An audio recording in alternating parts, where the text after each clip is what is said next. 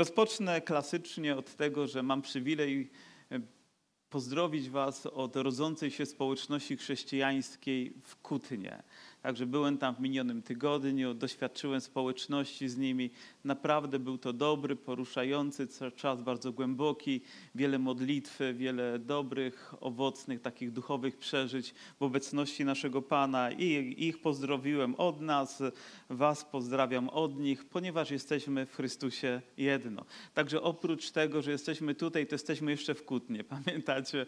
I może Pan sprawi, że będziemy jeszcze w innych miejscach i gdziekolwiek dzisiaj Kościół się zbiera, zbiera, tam jesteśmy z nimi duchowo połączeni. Dzisiaj zajmiemy się kolejnym fragmentem z listu do Rzymian z rozdziału 5. Temat, który nie jest łatwy, ale jest też bardzo głęboki, bardzo fundamentalny dla naszej wiary, jak cały zresztą list do Rzymian, który czytamy. Ktoś kiedyś zarzucił to, że apostoł Paweł trochę namieszał w tym liście, że tą prostą Ewangelię, którą przekazał Jezus, on skomplikował swoim nauczaniem. Spotkaliście się z takim stwierdzeniem i być może czytając listy dochodzimy do pewnego wniosku, że nie wszystko rozumiemy, nie każda myśl jest dla nas tak klarowna, tak jasna, ale każda z nich jest potrzebna. Proszę, nie pójdźcie takim sposobem myślenia, ponieważ ten sposób bardzo łatwo podważyć albo bardzo łatwo omijać niektóre fragmenty Bożego Słowa. A jeżeli ujmiemy coś z tego Słowa, to wiecie, jakie są konsekwencje, o których zapowiada Bóg dla naszego życia.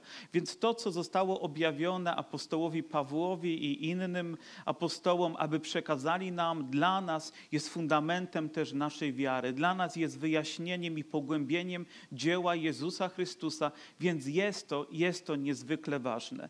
Kiedyś słuchałem pewnego kaznodziei, który opowiadał, że niektóre fragmenty Biblii, niektóre zwiastowania są szczególnie jakby atakowane ze względu na to, że po pierwsze obnażamy na przykład diabelskie działanie, że gdzieś, gdy on jest demaskowany, to próbuje w jakiś sposób to zakryć różnymi okolicznościami, tak żeby to nie trafiło do ludzi, albo też gdy mówimy o zwycięstwie i triumfie Chrystusa nad szatanem i również te zwiastowania i takie sytuacje są bardzo mocno atakowane ze względu na tą konfrontację, że on przegrywa i on jest przegrany i tym, który zwycięża i On jest zwycięzcą, nasz Pan Jezus Chrystus. Więc spodziewam się, jeżeli dzisiaj dotkniemy tych dwóch fundamentalnych rzeczy, że z jednej strony obnażymy pewne dzieło diabelskie i mam nadzieję, że zrobimy to z odwagą i ze świadomością, a z drugiej strony wyniesiemy dzieło Pana Jezusa Chrystusa, to będzie się toczyć tutaj pewna duchowa walka.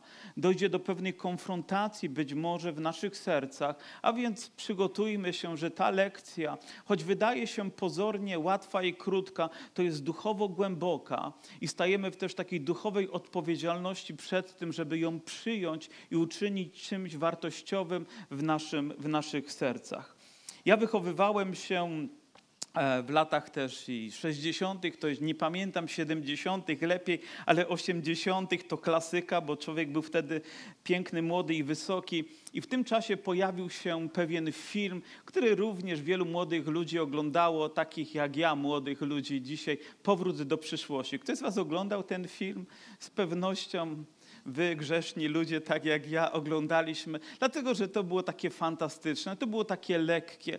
Ale to, co uświadomiło mi, to to, że, że ten młody człowiek próbował wrócić do przeszłości, żeby rozwiązać swoje problemy, jakby problemy rodziny w teraźniejszości że nie mógł jakby znieść tego, co się dzieje i chciał przenieść się w przeszłość, by rozwiązać to, co teraz.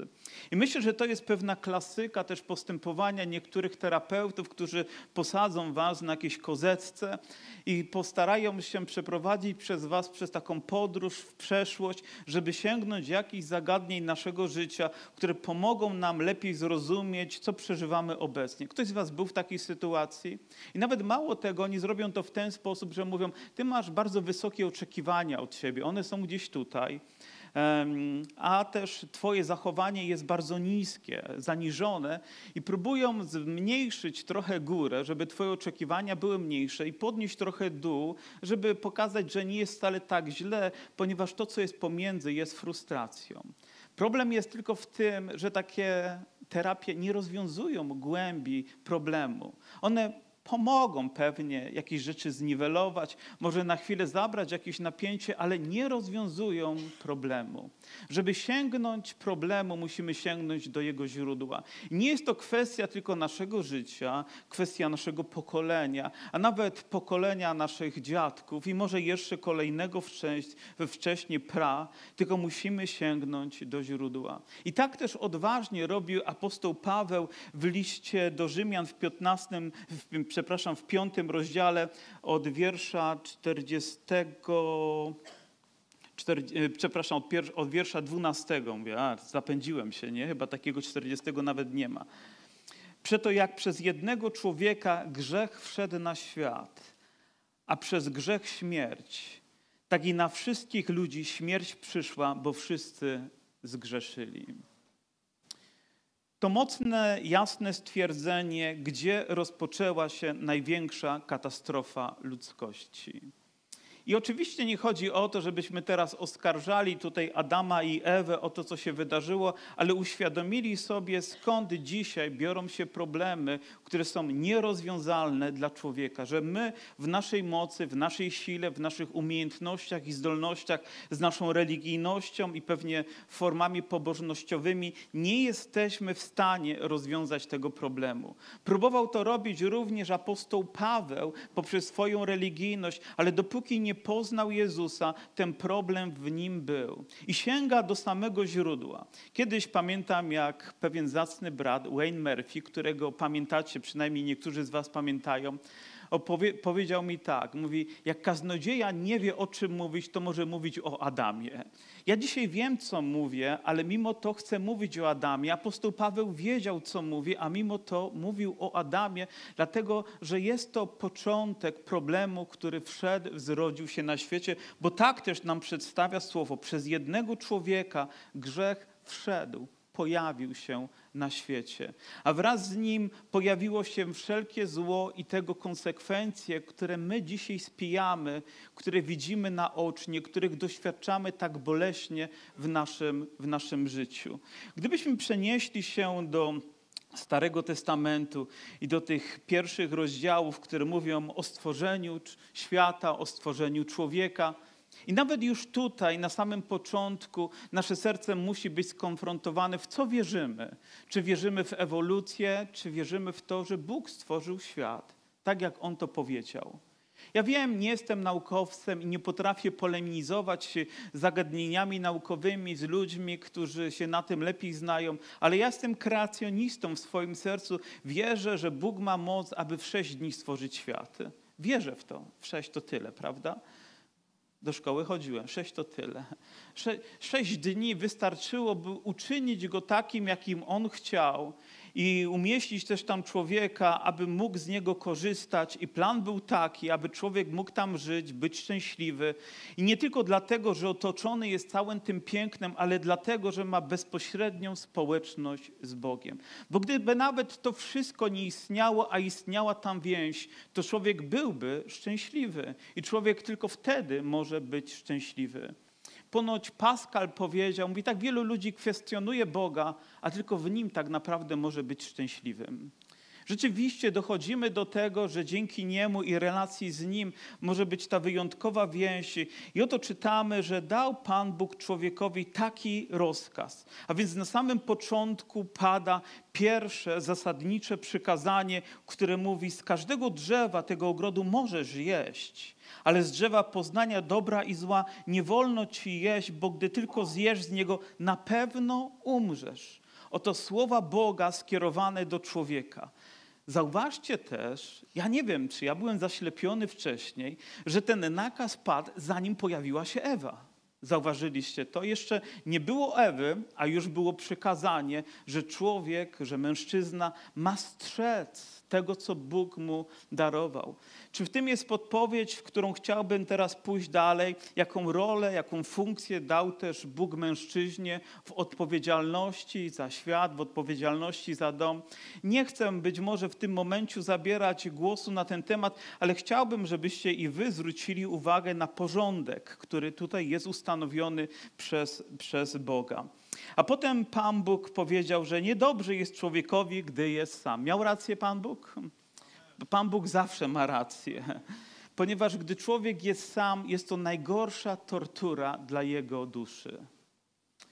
Nie wiem, e, ponoć nawet ja nie byłem nigdy w więzieniu, może z misją tylko tam byłem i najczęściej było to tak, że tam było wielu ludzi wokoło nas, ale najgorszą karą nawet nie jest jakieś fizyczne tam znęcanie się, choć pewnie jest to okrutne, ale odizolowanie człowieka od innych i skazanie go na samotność.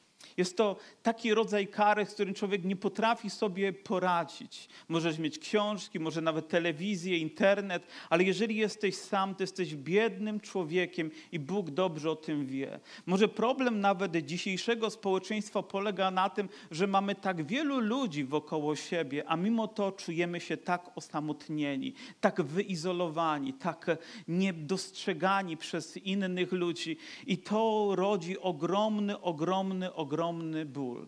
Bóg widział serce tego człowieka. Ja współczuję ludziom, którzy przez życie przechodzą samotnie, nie mając nikogo bliskiego, kto byłby dla niego odpowiednią pomocą i odpowiednim wsparciem, bo potrzebujemy jedni drugich. Amen? Nawet w kościele może przyjąć się taki standard, że my nie potrzebujemy innych ludzi, damy sobie radę. Nieprawda. Człowiek sam wcześniej czy później zbłądzi, wcześniej czy później upadnie i poniesie tego konsekwencje. Potrzebujemy ramienia, potrzebujemy serca, potrzebujemy bliskości siebie nawzajem. Kościół jest sobie potrzebny, gdyż członkami jesteśmy, które są połączone w cudowny sposób łaską i mocą Boga, abyśmy funkcjonowali dla Jego chwały. Bo gdy jedna część tego organizmu słabnie, druga może pomóc w tym, aby przywrócić go do pierwszego pierwotnego stanu, a więc jesteśmy sobie potrzebni. W tym przypadku chodziło po prostu, jak to zwykle, o kobietę e, o bliską osobę, o, o tą, która będzie. Żadne zwierzę i nic innego. Czyż również nie widzicie, że tutaj pojawił się wzór, że Bóg stworzył mężczyznę i kobietę jako jedność. Jest to obraz dla mnie niepodważalny, tak jak początek stworzenia. Jest to coś, co Bóg wyrył w naszych sercach przez wiarę i wszystko inne, co będzie wypaczone, powiem, będzie złe, będzie prowadzić do tego, co złego. Ten obraz powinien w nas być utrwalany i na żaden inny gdzieś w nas nie może być oczywiście zgody. A więc e, zesłał Pan Bóg seny na człowieka. Wiecie, ja myślę, że Bóg wiedział, co robi. My byśmy na żywo tego nie przeżyli. Panowie, my z naszą słabością do ból absolutnie nie ma szans. Każdy mężczyzna, jak już ma katar, to umiera, prawda? Już gdy przyjdzie kaszel, to już karetka musi jechać na sygnale. O innych konsekwencjach nie mówię. My po prostu nie chorujemy, my walczymy o życie i jest to, jest to prawdą. Więc Pan Bóg zesłał senę na mężczyznę i później wyciągnął pewną część jego ciała. Wiecie, którą?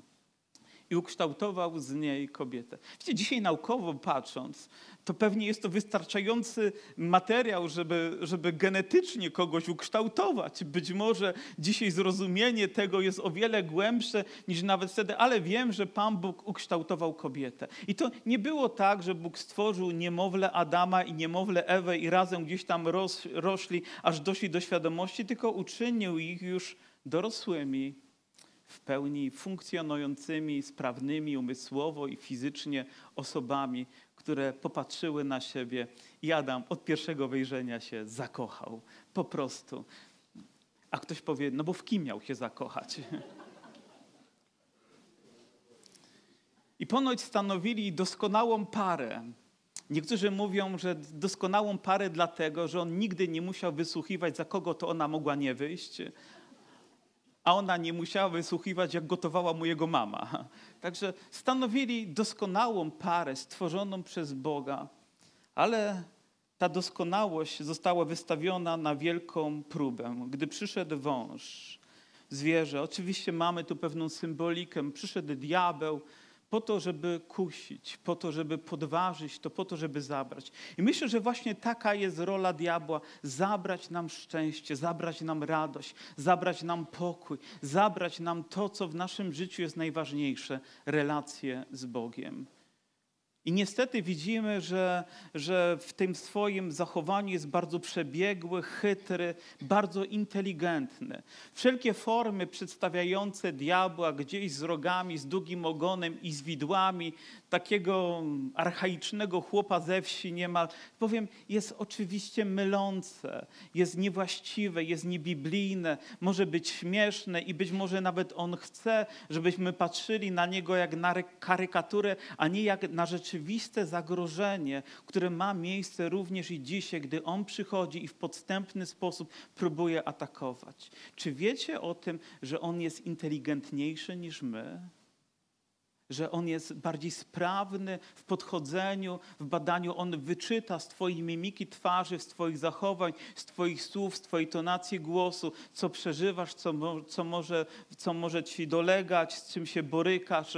Widzi to wszystko, analizuje, a później a później atakuje we frontalny sposób. I mówi, czy rzeczywiście Bóg powiedział, czy rzeczywiście próbuje podważyć słowo i autorytet Boga, czy rzeczywiście tak jest. Czy niepodobnie podszedł do Pana Jezusa, gdy był na pustyni, mówiąc, jeśli jesteś Synem Bożym, On zawsze będzie próbował zakwestionować, zakwestionować, zakwestionować Boże Słowo to, którego powinniśmy się trzymać, zakwestionować Jego stworzenie, zakwestionować Jego stwo e, to, jak stworzył, kogo stworzył, dlaczego stworzył. Będzie próbował wypaczyć i przez wieki odniósł wiele sukcesów. Gdy ludzie zaczynają odchodzić od tej prostej linii, którą mamy kroczyć wiernie za Bogiem, to zawsze jest jakieś uchybienie, a w konsekwencji może być również nietrafienie, nietrafienie celu. Przyszedł do Ewy. Nie chcę tego jakby rozwijać, dlaczego nie Adama od razu zaatakował, tylko Ewę. I nawet w taki sposób, że kazał jej spojrzeć na to, co piękne, mówi zobacz, mówi przecież ten owoc jest tak niezwykły.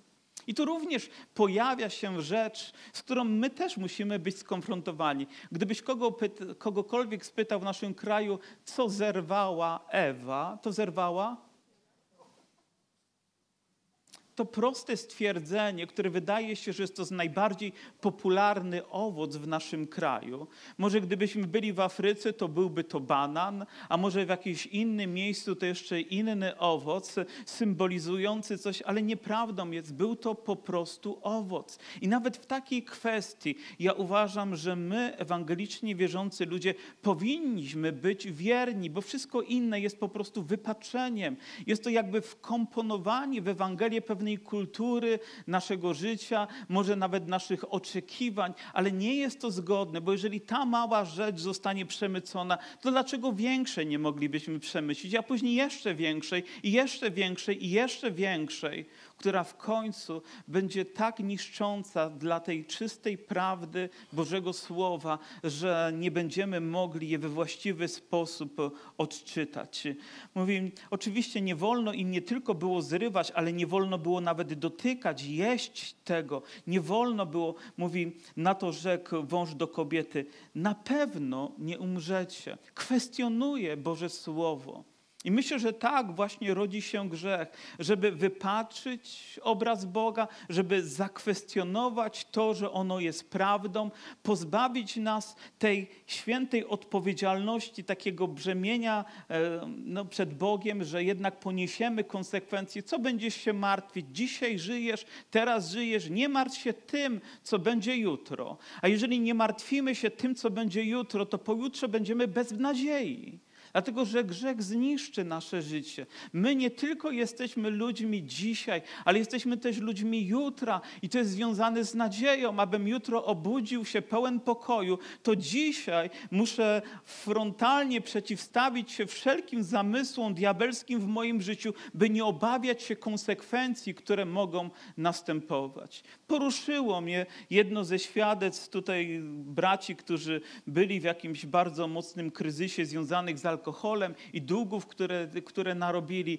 i później wychodzenia nawet na ulicę i oglądanie się przez ramię, czy ktoś nie czyha teraz komorników na to, żeby ich dopaść, wręczyć im jakieś listy i pociągnąć do konsekwencji. Ale kiedy zaczęli żyć z Bogiem i zaczęli spłacać swoje długi, nie muszą już oglądać się przez ramię. Nie muszą bać się tego, że ktoś za rogiem czyha, bo ta łaska, która została mi objawiona, ona wyzwoliła ich z tego strachu. A jeżeli tak nie jest, to ciągle czegoś będziesz się obawiał. Jeżeli raz złamiemy Boże prawo i grzech zostanie przemycony do naszego życia, stanie się mocą wyniszczającą nie tylko ten świat, ale każdego z nas osobiście. A więc największą katastrofą było to, że grzech wszedł na świat, że wszedł przez człowieka i stał się powszechny.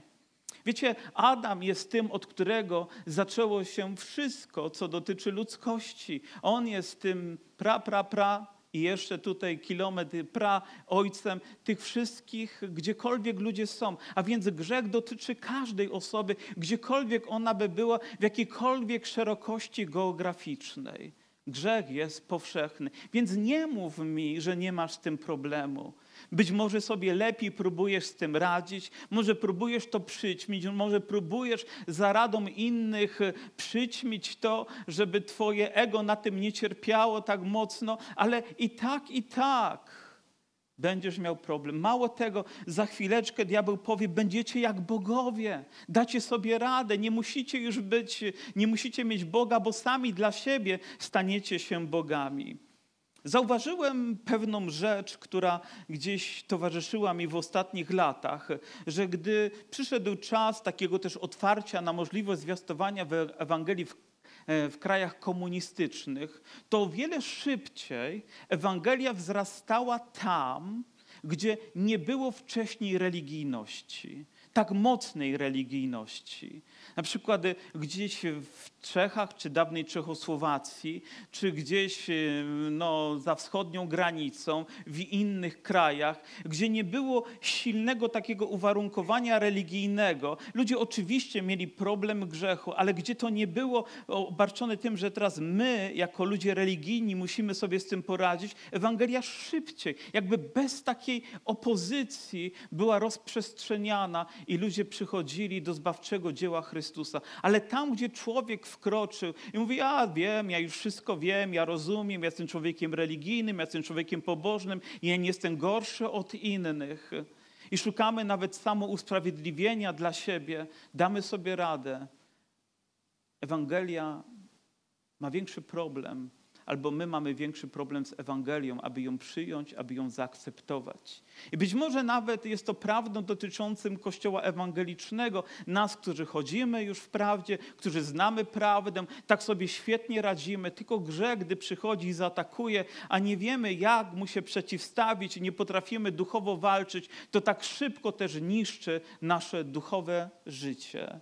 Więc musimy być bardzo, bardzo uważni i w tym wszystkim bardzo pokorni, bo również do nas przyjdzie, aby zakwestionować to, kim jesteśmy, namówi nas do czegoś niewłaściwego, a my wiedzeni porządliwością tego, że to piękne, dobre i może z tego coś jeszcze być dla nas, sięgniemy po to, zjemy i pojawi się problem, który sprawi, że ziemia zacznie rodzić osty i ciernie i inne złe rzeczy. Później wiemy, że nawet Pan Jezus miał koronę cierniową, jakby zostało to odzwierciedlone i odbite w tym, co, później, co jest drugą częścią tego fragmentu, który chciałbym dzisiaj rozważać, bo jeszcze pierwszego nie skończyłem, więc już wiecie, ile będzie trwało nabożeństwo.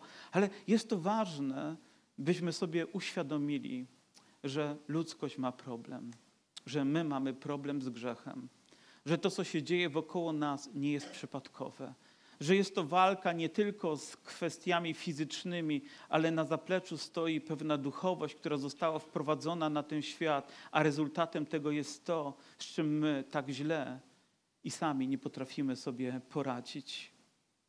Ten świat nie dozna uzdrowienia, dlatego że podejmie jakieś inicjatywy, dlatego że zbiorą się mądrzy, dlatego że naukowcy coś wymyślą Nie, nie, nie znajdzie rozwiązania.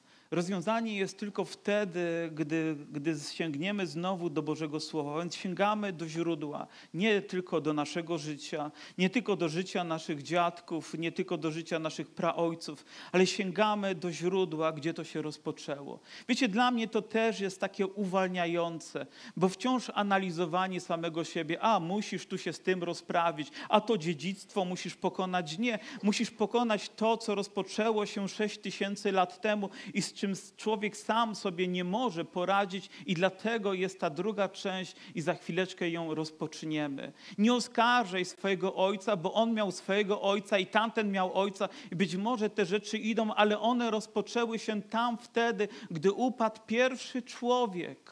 Ani twój dziadek, ani twój ojciec, ani ty nie poradzisz sobie z tą myślą, oskarżanie siebie nawzajem, albo przeanalizowanie i przemielenie tego i chodzenie do tego samego miejsca i teraz terapeuty przez pięć lat może sprawić, że wciąż jesteś w tym samym miejscu, kręcisz się po pustyni, ale nie ma rozwiązania, dopóki ta więź, dopóki ta rzecz nie zostanie rozwiązana w definitywny sposób o którym mówi nam Ewangelia. Więc znowu sięgamy do przeszłości, do wydarzenia, które miało miejsce dwa tysiące lat temu, gdy na tej planecie Ziemi pojawił się ratunek, który już wtedy został zapowiedziany że tak jak Adam jest tym, przez którego grzech przed był zapowiedzią tego, który również przyjdzie, aby rozwiązać problem, problem, problem grzechu.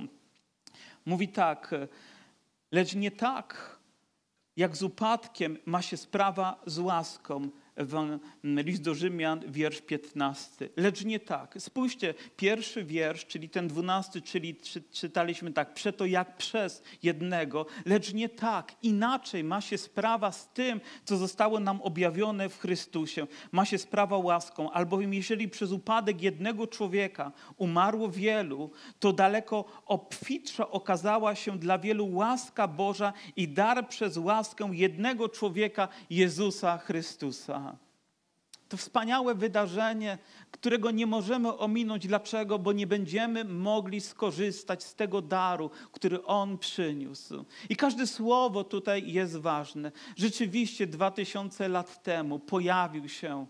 Zobaczcie, On nie został stworzony, On został zrodzony bo to jest Syn Boży. Gdybyśmy dalej czytali to, co na początku, to Bóg w pewnym, w pewnym momencie mówi, mówi w liczbie mnogiej o sobie, mówi, teraz my i mówi o sobie, mówi o swoim synu, mówi o Duchu Świętym. Jest to liczba większa niż jeden, większa niż dwa, a więc trzy, bo tak nam objawia Boże Słowo. Oto trzy osoby połączone w jedną, albo trójjedyność, jak my to mówimy, nie trójca, ale trójjedyność. Jest to najbardziej właściwe wyrażenie, jakim w Biblii możemy się posłużyć. Musimy coś z tym uczynić. Oczywiście człowiek został wygnany i nie miał już powrotu, tracił tą społeczność, zaczął się ukrywać przed Bogiem, ale oto przyszedł Jezus, przyszedł na ten świat Coś wiemy na temat tego pojawienia się, ponieważ Ewangelii o tym mówią. Później widzimy go, gdy ma około 12 lat i gdzie się znajduje? W świątyni. Na kilka dni zniknął z oblicza swoich rodziców i znalazł się w świątyni. Nie wiem, gdzie ja bym się znalazł, gdy miałem 12 lat, ale wierzcie mi, ostatnim miejscem, w którym by mnie rodzice szukali, to byłby jakiś kościół. Na pewno nie tam. Na stadionie oczywiście, gdzieś z kumplami, może gdzieś wyjechał, może gdzieś się zapatoczył, ale nie tam. Ale Jezus wiedział, gdzie jest jego miejsce. Już wtedy przestał być chłopcem, a stał się mężczyzną, bo to jest ten wiek, kiedy już chłopiec nie jest dzieckiem. Jest to moment, kiedy staje się mężczyzną, staje się odpowiedzialnym. I później znowu nie czytamy nic mm, poza jakimiś pozabiblijnymi rzeczami, do których nie zachęcam, żebyśmy sięgali, aż w wieku 30 lat objawia się jako ten, który przyszedł ten, który ma wykonać dzieło Boże, ten, który przyszedł szukać, aby zbawić to, co zginęło. I czytamy na temat Jego życia tak wiele. I nawet źródła pozabiblijne mówią o Jego cudownych dziełach, które dokonuje. I powiem, znajdziemy to w różnych nawet religiach innych, nawet w islamie gdzieś do tego Isua mamy pewne odnosienie, ale jest to niewłaściwe odniesienie. Dlaczego? Dlatego, że nie mówi o tym, że On został nie tylko um, zrodzony, nie, niepokalany sposób, ale że On był wieczny. Oni mówią, że on się pojawił w tym okresie, nie jest wiecznym. Mówią co prawda o jego życiu, ale gdy chodzi do ukrzyżowania, nie ma ani zmianki, a wręcz jest zaprzeczenie, a to najważniejszy okres jego życia i jego działalności tutaj na ziemi. I tam ogniskują się wszystkie Ewangelie, aby ukazać to święte, zbawcze dzieło, które się dokonało i które również jest zapisane w Starym Testamencie. Gdybyście nawet wzięli wszystkie pięć ksiąg mojżeszowych, to w każdej z nich odnajdziecie ślad krzyża, ukrzyżowania i mocy krwi, która obmywa, oczyszcza. Weźcie Abrahama i jego syna, którego składa w ofierze. I oczywiście nie składa go, bo znalazł się kto? Baranek, który był gdzieś tam zaplątany w ciernie. To jego krew za krew tego została przelana, aby został uratowany. I oczywiście możemy iść dalej. Druga księga Mojżeszowa, a więc wyjście narodu izraelskiego z Egiptu i ostatnia plaga znowu musiał być złożony baranek, aby człowiek mógł być uwolniony od konsekwencji śmierci. Wystarczyło pomazać odrzwia krwią, aby, abyśmy mogli być uratowani. Czyż również nie opowiada to jego wielkim zbawczym dziele? Dobrze, idźmy dalej do kolejnej księgi i oto kozioł, który jest wypuszczany gdzieś na pustynię, na którego wkładano wszystkie grzechy całego Izraela i on miał być ofiarą. Oto okazuje się, że w czasach Jezusa również ten kozioł był wypuszczany około 40 roku. Był taki zwyczaj, to czytałem w literaturze, że, że przepasano go zawsze czerwoną wstążką i gdy odnajdywano tą wstążkę do tej pory, ona w cudowny sposób stawała się biała, ale w 40 roku, czyli w okresie, w którym którym Jezus najprawdopodobniej umarł. Nie, że najprawdopodobniej umarł, że umarł, tylko w tym czasie, bo rok nie jest tutaj sprecyzowany dokładnie. Ta wstążka wciąż była czerwona. Dlaczego? Bo już nie kozioł, ale Jezus Chrystus może jedynie przebaczyć nasze grzechy, uczynić nasze życie białym. Dobrze, pójdźmy dalej do kolejnej, do kolejnej księgi. I oto Mojżesz robi węża, aby go wywyższyć, aby każdy, kto na niego spojrzy, mógł być uratowany. Dobrze, pójdźmy do kolejnej księgi, która mówi, że największą hańbą jest umrzeć na drzewie. Czyż nie wszystko to odnosi się do Jezusa? Czy cały Stary Testament nie krzyczy, że w Nim jest ratunek? Czy również nie tam powinno być nasze spojrzenie, że tam jest ratunek dla każdego z nas? Nie w tym, co wydarzyło się w przeszłości w Twoim życiu, ani w innym pokoleniu, ale ratunek Twój jest w Jezusie Chrystusie. Jego moc jedynie może cię całkowicie uwolnić od mocy grzechu, jego konsekwencji. I one są straszne dla człowieka. Nie poradzimy sobie z tym sami. Nie staniemy się bogami dla samych siebie. Nie staniemy się tak zacni, tak dobrzy, by ten problem rozwiązać, cokolwiek byśmy nie czynili. Potrzebujemy autorytetu, mocy krwi w naszym życiu, Jego świętej ofiary, która jest o wiele większa niż grzech, bo każdy grzech, każdy grzech suma naszych grzechów i wszystkich może być przebaczona dzięki Jego darowi łaski. Aleluja! A więc moja siostro, mój bracie, nie ma takiego problemu, którego Bóg dzisiaj, już teraz na tym miejscu, przez wiarę w Niego nie mógłby rozwiązać dla mnie i dla Ciebie. I nie potrzeba do tego wielu lat analizy, ale potrzeba otwartego, szczerego serca, z którym możemy przyjść przed tron Pana Jezusa Chrystusa. Możemy stanąć przed Nim i powiedzieć: Panie, potrzebuję Twojej ofiary, potrzebuję, aby Twoja krew obmyła mnie z grzechów, potrzebuję tej świętej wiary w moim życiu, by stanąć przed Tobą, Panie, jako czysty, jako odnowiony. I Bóg to Ci zagwarantuje, że wychodząc z tego miejsca, będziesz odnowiony w Nim. To wielka łaska i wielki przywilej do tego sięgać. Mówi, nie, i nie tak ma się sprawa z darem, jak ze skutkiem grzechu jednego człowieka, albowiem wyrok za jeden upadek przyniósł potępienie, ale dar łaski przynosi usprawiedliwienie z wielu upadków. Albowiem jeśli przez upadek jednego człowieka śmierć zapanowała, przez jednego o ileż bardziej ci, którzy otrzymują obfitość łaski i daru usprawiedliwienia, królować będą w życiu życiu przez jednego Jezusa Chrystusa. I moglibyśmy ciągnąć i moglibyśmy przenosić się do innych fragmentów, gdzie apostoł Paweł, na przykład e, w 15 rozdziale pierwszego listu do Koryntian, również odnosi się do kwestii Ewangelii, do kwestii zbawienia. Co jest też niezwykłe, że żadna inna religia nie ma dobrej nowiny. Żadna inna religia nie jest zbawienna, bo nie ma Zbawiciela. Nie ma.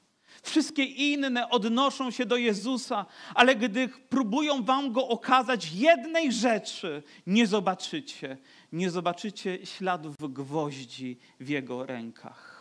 Nie znajdziecie śladu ofiary. Tak, on żył pobożnie, a później został zabrany do nieba. Nie, nie takiego Jezusa objawia nam Boże Słowo, bo pozbawia nas ofiary za przebaczenie, tego, co najistotniejsze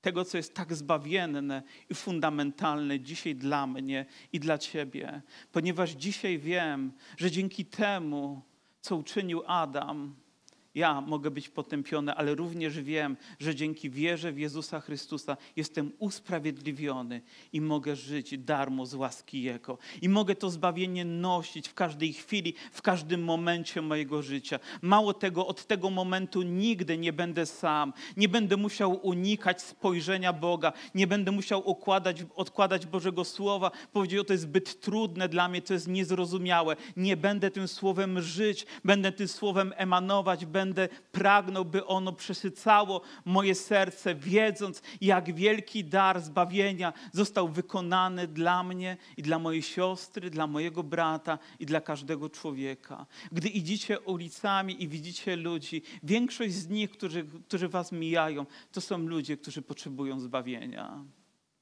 potrzebują zrozumieć, potrzebują dojść do tego. Nie wystarczy ich religijność i zafałszowanie, które w nim również jest zawarte, że człowiek gdzieś pomiędzy niebem a piekłem znajdzie jakieś pośrednie miejsce. Nie ma takiego miejsca. Nigdy nie było i nigdy nie będzie bo jest tylko jedna droga, którą możemy iść. I również i w tej kwestii my musimy być bardzo stanowczy. Boże Słowo objawia nam, że nie ma w nikim innym zbawienia. Jest często takie powiedzenie, że jest góra, na szczycie tej góry jest jakiś tam Bóg, jakkolwiek go nazwiemy i pojmiemy. Nie, ten Bóg ma swoje imię.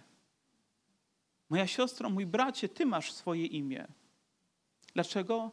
Bo to oznacza Twoją godność. Jesteś niepowtarzalny. I ten Bóg ma swoje imię, które jest imieniem, które zostało zawarte w imieniu Jezus również, w którym my mamy zbawienie. I nie, że różne drogi prowadzą do jakiegoś Boga, z jakiejkolwiek strony wyruszymy, ale Biblia mówi, jest tylko jedna droga, jest tylko jedna prawda, jest tylko jedno życie, a ono jest zawarte w Jezusie Chrystusie. Jeżeli nie uznasz to za prawdę, to każda inna droga nie ma znaczenia. Ale jeżeli ta droga ma znaczenia, to żadna inna nie będzie miała miejsca w Twoim życiu, byś nią podążał. Musisz to odrzucić dzisiaj. Musisz to odrzucić świadomie i musisz wybrać, bo tylko dzięki temu, że krocząc tą jedyną ścieżką zbawienia, możesz dojść do tego, co Bóg dla Ciebie w obfitości przygotował. I oto w liście do Koryntian w 15 rozdziale, gdzie również Paweł później mówi o Adamie, w którym wszyscy umierają i o Jezusie, w którym wszyscy ożywają. Na początku mówi tak, a przypominam wam bracia Ewangelię, którą wam zwiastowałem którą też przyjęliście i w którą trwacie. A więc Ewangelia powinna być zwiastowana, powinna być przyjęta i powinniśmy w niej żyć trzy ważne zagadnienia dotyczące tego, czego Jezus dla nas dokonał. Dobra nowina o Jezusie Chrystusie, którą usłyszeliśmy, w którą uwierzyliśmy i przyjęliśmy te prawdy do naszego życia. Amen. Czy dzisiaj zwiastuję Wam dobrą nowinę? Taką mam nadzieję. Naprawdę mam taką nadzieję. Czy jesteś gotowy ją przyjąć? Czy chcesz z nią skonfrontować swoje życie, swoje serce? Swoją teraźniejszość i swoją przyszłość? Czy nie chcesz wciąż mówić, albo moja mama, albo mój tata? Nie, będziesz mówić, ale Jezus Chrystus, który przewyższa wszystko, On mnie uwolnił od przeszłości, On dał mi nowe życie i dał mi nadzieję życia wiecznego i trwasz w niej. Bóg da Ci pełnię swojego ducha, który każdego dnia będzie Cię utwierdzał w wierze, będzie Cię prowadził w mocy, będzie Cię otaczał swoją łaską, będzie czynił Twoje życie pełne nadziei już nigdy, nigdy, nigdy nie będziesz sam. I później mówi, i przez którą zbawieni jesteście, jeśli tylko zachowujecie. To myślę, że bardzo znamienne, choć nie chcę myśli rozwijać.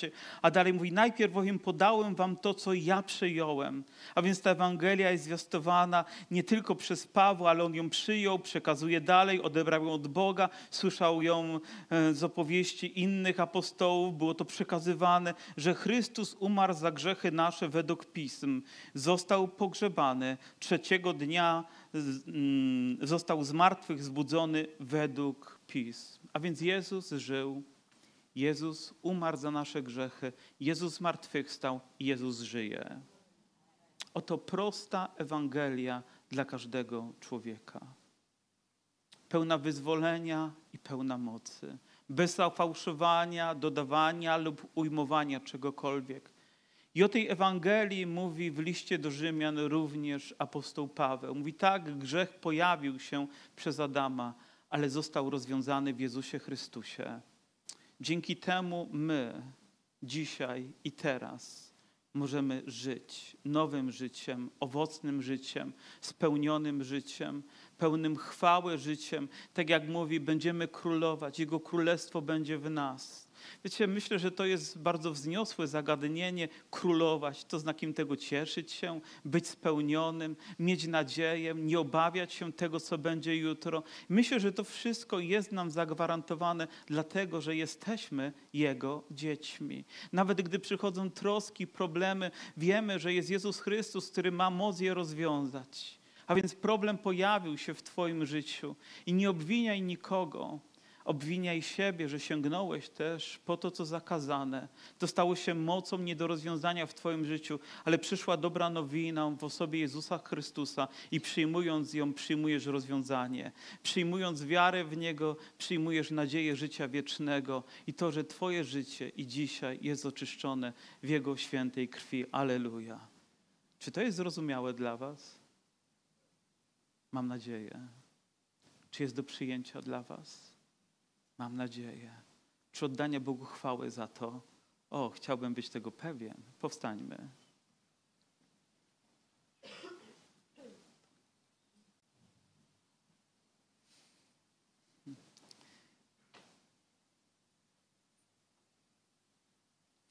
Może to wyjątkowy czas i wyjątkowa chwila, by na nowo uświadomić sobie, z jakiego powodu dzisiaj tutaj jesteśmy. Dlatego, że Jezus umarł za nasze grzechy, że On nam je przebaczył, aby nasze serca mogły być wolne, by każdy z nas mógł z tego wielkiego daru skorzystać. I chcę powiedzieć, to nie jest ewangelizacja, choć z pewnością w jakiejś części jest.